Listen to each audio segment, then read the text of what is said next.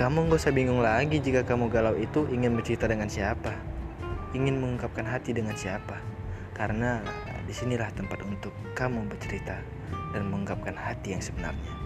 Di podcast Dia Ada.